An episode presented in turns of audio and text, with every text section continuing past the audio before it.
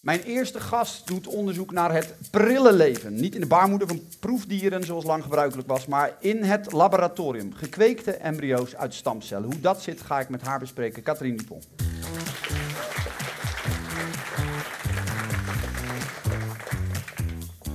Jij bent bioloog. Kun je uitleggen hoe je als bioloog terechtkomt in een laboratorium op het Erasmus MC en dan aan de slag gaat met het knutselen aan muizenembryo's? Want daar hebben we het over, hè? Ja. Uh, ik ben mijn loopbaan begonnen als klinisch embryoloog in een IVF-kliniek. Dus uh, dat houdt in dat we uh, patiënten helpen die problemen hebben om kinderwens in vervulling te gaan. dat we die helpen met labtechnieken. Um, maar sowieso voor een aantal patiënten lukt dat nooit. Um, en ja, er zijn eigenlijk heel weinig uh, mogelijkheden om onderzoek te doen waarom dat het niet lukt. Dus ik ben um, na een aantal jaren te werken als uh, klinisch embryoloog, ben ik uh, onderzoek gaan doen op apen en proberen te duwen dat de aap een perfect model zou zijn om te testen uh, al die in vitro fertilisatietechnieken, zijn die veilig uh, en waarom lukt de zwangerschap soms niet. Maar uiteindelijk, naar, na mijn doctoraatsthesis, er waren wel interessante resultaten uitgekomen, maar je blijft nog altijd met heel wat limitaties als je werkt met apen en het research is heel kostelijk. Ja. Want dus, apen, hier heb je het over proefdieren, ja. apen, waar je het, het, dat prille leven, dus het ontstaan, de bevruchting, ja. het vervolgens delen van de cel, het ontstaan van een embryo, wil ja. je in de gaten houden. Dat is vreselijk complex om het over de ethische bezwaren nog maar niet te hebben. Exact. Ja. Dus, um, dus na die doctoraatsperiode ben ik dan uh, begonnen in het Erasmus MC en uh, beginnen werken met muizenstamcellen en met uh, enerzijds embryonale stamcellen. Embryonale stamcellen kunnen heel het uh, embryo maken, de volledige fetus. En dan ook stamcellen die de placenta kunnen maken. En, uh, um, dus die, die uh, stamcellen noemt men trofoblast-stamcellen. En ik merkte eigenlijk al heel snel, wanneer dat je beide stamcellen samenvoegde, dat die met elkaar gingen interageren en een soort structuur vormden die heel hard op een embryo leek. En in die tijd, dat is nu on, ja, dat is al 13 jaar geleden, was dat mm -hmm. heel raar, want er was niemand nog die daar iets over gepubliceerd had. Dus iedereen vond het een beetje gek. Het ontstaan van, en we kennen, we kennen de verhalen over klonen, uh, uh, dat ging ook bij andere dieren. We kennen allemaal volgens mij, dat, dat is er niet een muis met zijn oor op zijn rug? Weet je, er zijn allemaal ja, ja. spannende, uh, rare, freaky Frankenstein-achtige dingen gedaan. Maar dit dus, het kweken van een muizenembryo, was tot, tot, tot, jullie, tot jij ermee aan de slag ging, was eigenlijk Toen niet, niet. niet beschreven. Toen nog niet. Nee. Um, nu doet iedereen het, overal. Nu, ja. Nu is het een grote hype geworden. Ja. Dus uh, ondertussen zijn er ontzettend veel publicaties gekomen van, uh, uh, over het maken van embryomodellen. maar er zijn verschillende soorten embryomodellen. Je hebt embryomodellen die een volledig embryo proberen na te bootsen. En je hebt embryomodellen die een specifiek aspect proberen na te bootsen. En ik werk nu voornamelijk op een embryomodel die het volledige embryonale ontwikkeling probeert na te bootsen. Ja, uh, even terug, want jij gaat nu heel uh, logisch vanuit de uh, fertiliteitskliniek naar het werk dat je nu doet. Maar beschrijf eens even wat het is. Wat, wat is het technisch aan ons uit te leggen wat er gebeurt op het moment dat je een muizenembryo of een model daarvan, is het technisch hè, dan? Mm -hmm. um, als je dat probeert te maken, wat er dan gebeurt en wat je nodig hebt? Ja, je hebt dus embryonale stam, van technisch gezien, van apparatuur bedoelt u. Ja, eigenlijk gewoon een celkweeklab heb je nodig. Um, een celkweeklab? Ja. ja? Um, je hebt het gisteren ook aan je dochter van negen uitgelegd, toch? Ja. Begreep ze het gelijk? Ze begreep er helemaal niks van. Oké. Okay. Wij komen iets verder vanavond, dat beloof ik u allemaal. Een celkweeklab, ja, die ja. hebben we, die hebben we niet allemaal staan, maar jij hebt er een. Ja. ja. Een celkweeklab, um, dus een, een, daarin staat een lafkast. En dat is een kast waarin dat je steriel kunt werken met cellen.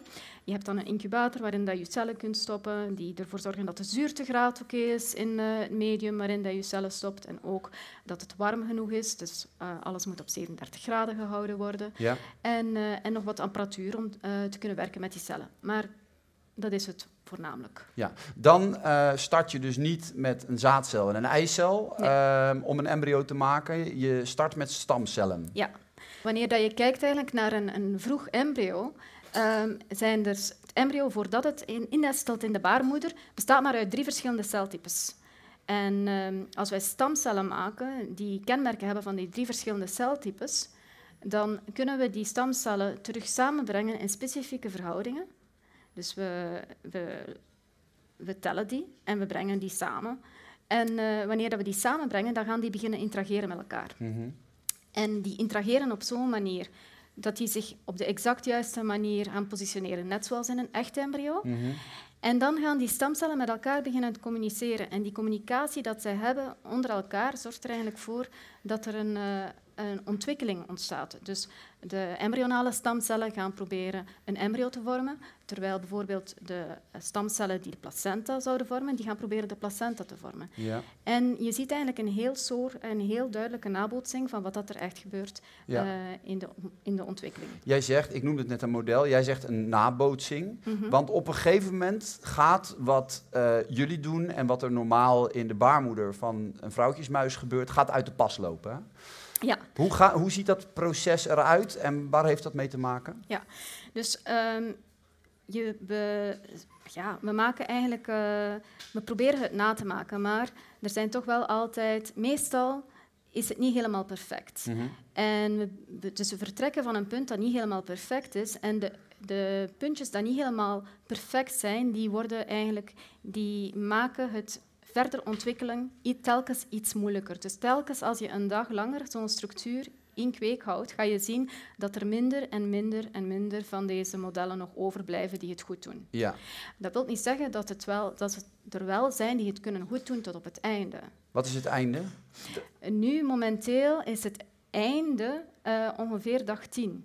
Oké, en wat, dat, dat zien we hier, we zien dat nu... Nee, hier zie je dat nu niet. Oh, Ehm, dus hier zie je dus ehm, eh, dag 5.5 tot dag 7.5. Ja. Ehm, dus dat is eigenlijk de Ik ont- zie alleen een groene vlek en een beetje grijze vlekken. Maar Oké. Dus bovenaan is eigenlijk een, een, een afbeelding van hoe een muizenembryo eruit ziet wanneer dat het geïmplanteerd is in de baarmoeder. En dus dat, dat, is, eh, ja, dat zijn precies twee kopjes op elkaar.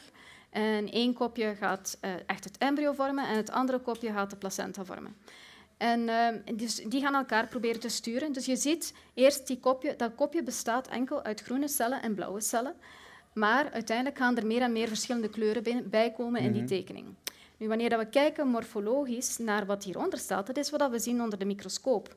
Dus die groene cellen, dat zijn eigenlijk de embryonale stamcellen. En als je dat vergelijkt dan eigenlijk met wat dat er hierboven gebeurt, dan kun je eigenlijk zien dat, er, dat die groene cellen exact doen wat dat er eigenlijk op die tekening gebeurt. Dus die gaan eigenlijk hetzelfde ontwikkelingspatroon volgen, net zoals dat je zou zien eh, in een echt embryo. ja. hoeveel cellen zien we hier nu op, op dag 6, 7, 8, 9? Hoeveel, ho- waar hebben we het dan over? Ehm, dat kan ik eigenlijk heel moeilijk zeggen. Maar Ehm, zijn het er drie? Zijn het er drie een- miljoen? Wat, wat- Nee, ik denk een 100.000. Oké, ja. En dan, en, en, en, en wa- wat zou er gebeuren als je tot, hoe, tot welke dag, wanneer stoppen jullie zijn nou? Ehm, ja, nu momenteel, ik, eh, mijn studie, ik heb gestopt op ongeveer dag 8.5. Ja, en hoe lang zit een normaal muizenembryo in de baarmoeder normaal? Ehm, 21 dagen. Wat zou er gebeuren als jullie 21 dagen zouden doorgaan? Wat, wat, hoe zou dat eruit zien? Wat je dan in het... Dat zou waarschijnlijk niet lukken, omdat de placenta heeft een heel specifieke functie om eh, voedingsstoffen af te leveren. ja. En dus een embryo wordt groter en groter. Dus die functie om, moet voldoende, de placenta heeft eigenlijk de functie om ook voldoende voedingsstoffen aan de binnenkant van het embryo te geven. ja. En hoe groter dat, dat embryo wordt, hoe moeilijker dat het wordt om deze voedingsstoffen in het embryo te ja. brengen. Je kunt dus geen muis maken? Nee. Nee. Wat, ja, ook niet... Maar, Ja. maar, er Wat kan, dan wel, Katrien? Wat kun je wel? maar we kunnen wel toch wel redelijk... Er, er is toch een klein percentage die toch wel heel hard gelijkt op een echt embryo van Ja. eh, tien dagen oud. Ik plaag je een beetje, hè, maar wat, want wat leer je van dit soort modellen? Wat, waarom doen jullie dit onderzoek en wat collega's her en der eh, over de wereld ook inmiddels? Wat heb je eraan? Eh, we willen weten verschillende dingen. We willen weten wat dat er eventueel kan verkeerd gaan tijdens een vroege zwangerschap. We willen ook weten hoe dat het komt dat het allemaal zo goed gaat. Dus eh, we willen zien hoe dat die weefsels met elkaar communiceren. Dus we willen de ontcijferen wat welke communicatie er is tussen de verschillende weefsels. En als we die communicatie kunnen ontcijferen, dan kunnen we die communicatie gebruiken eventueel om ehm, specifieke eh, celtypes te maken voor patiënten die eh, een beschadigd eh, weefsel hebben. Ja, kun je een voorbeeld noemen van een ziekte, van een aandoening die je dan op Eh, termijn zou kunnen... Laten we zeggen een, neurodegener- eh, een neurodegeneratieve ziekte, net zoals de ziekte van Parkinson. Ehm, dus eh, er zijn eh, eh, uh, zenuwcellen die geen dopamine meer uh, produceren. Maar uh, wij kunnen in het labo kunnen wij dergelijke cellen al maken, maar meestal zijn ze niet van voldoende kwaliteit eigenlijk om zoiets terug te plaatsen. Dus als wij kunnen veel betere differentiaties doen door informatie dat wij verkrijgen uit zo'n embryo, dan kunnen wij misschien betere celtypes maken en om deze dan te kunnen gebruiken voor therapeutische doeleinden. Ja. Je zei 13 jaar geleden, toen ik ermee startte, was er nog niemand die dat deed. Of in ieder geval was daar geen verslag van. Inmiddels zijn er wel wat groepen, hè, her en der, die ermee bezig zijn. Um, uh, is het moeilijk? Het is ontzettend moeilijk. Wat, wat maakt het zo lastig? Um, omdat je met stamcellen werkt. De stamcellen uh, zijn niet altijd allemaal uh, doen, hebben niet allemaal die potentie om het te doen. Je moet echt de juiste verhoudingen van cellen hebben. Dus ik vertrek bijvoorbeeld van 100 cellen in totaal. Um, dus uh, die drie verschillende celtypes moeten verschillende ratios hebben ten opzichte van elkaar. Je moet goede kweekomstandigheden hebben. En vanaf uh, een zekere dag, la laten we zeggen vanaf dag uh, 7 van de embryonale ontwikkelingen, moet je heel gespecialiseerde kweekprocedures beginnen gebruiken die ik eigenlijk momenteel nog niet toegepast heb. Maar als je deze toepast, dan kun je wel gaan tot een uh, embryo die tot tien dagen kan ontwikkelen. Ja, nu, ja. zeg je. Ja. Ontwikkelingen gaan razendsnel. Over, over 10, 20 jaar kun je gewoon een muis uit het laboratorium toveren? Um, ik denk het niet. Ik denk dat het heel moeilijk gaat zijn om de placenta uh, uh, ja, na te bootsen. Maar je weet nooit. Nee. Wanneer wordt het voor jou iets levens waar je mee bezig bent? Een van de voordelen is dat je niet met proefdieren hoeft te werken. Ja. We begrijpen allemaal waarom dat erg is. Ja. In welk opzicht is dit anders?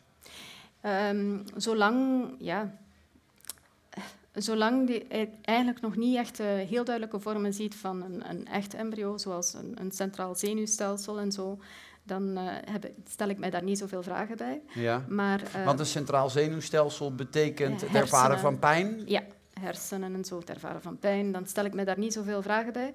Maar vanaf het moment dat we wel dan verder in de ontwikkeling gaan gaan, ja, dan stel ik mij daar zelf ook. Zijn er ethische bezwaren in het werk dat, dat jullie doen? Nee. Dat zeg, je heel, dat zeg je heel resoluut. is de, voor mij, toen ik, hem, toen, ik, toen, ik, toen ik dit gesprek ging voorbereiden, dacht, vond, ik het, vond ik het eng aan alle kanten. Het sleutelen aan leven, het prille leven. Eh, natuurlijk ben je nog niet op een punt dat dat ontstaat. Maar, en jij zegt nu heel resoluut, nou, nee, dat, waarom nee, niet eigenlijk? Op, ja, op muis is er zeker nog niet... Uh, uh, geen ethische bezwaren, omdat de techniek eigenlijk nog niet ver voldoende staat om echt leven te creëren. Ja. Maar ja, op het punt, op het moment dat er misschien de techniek op punt gaat staan om echt leven te creëren, dan gaan er misschien ethische bezwaren zijn, maar zover zijn ja. we nog niet.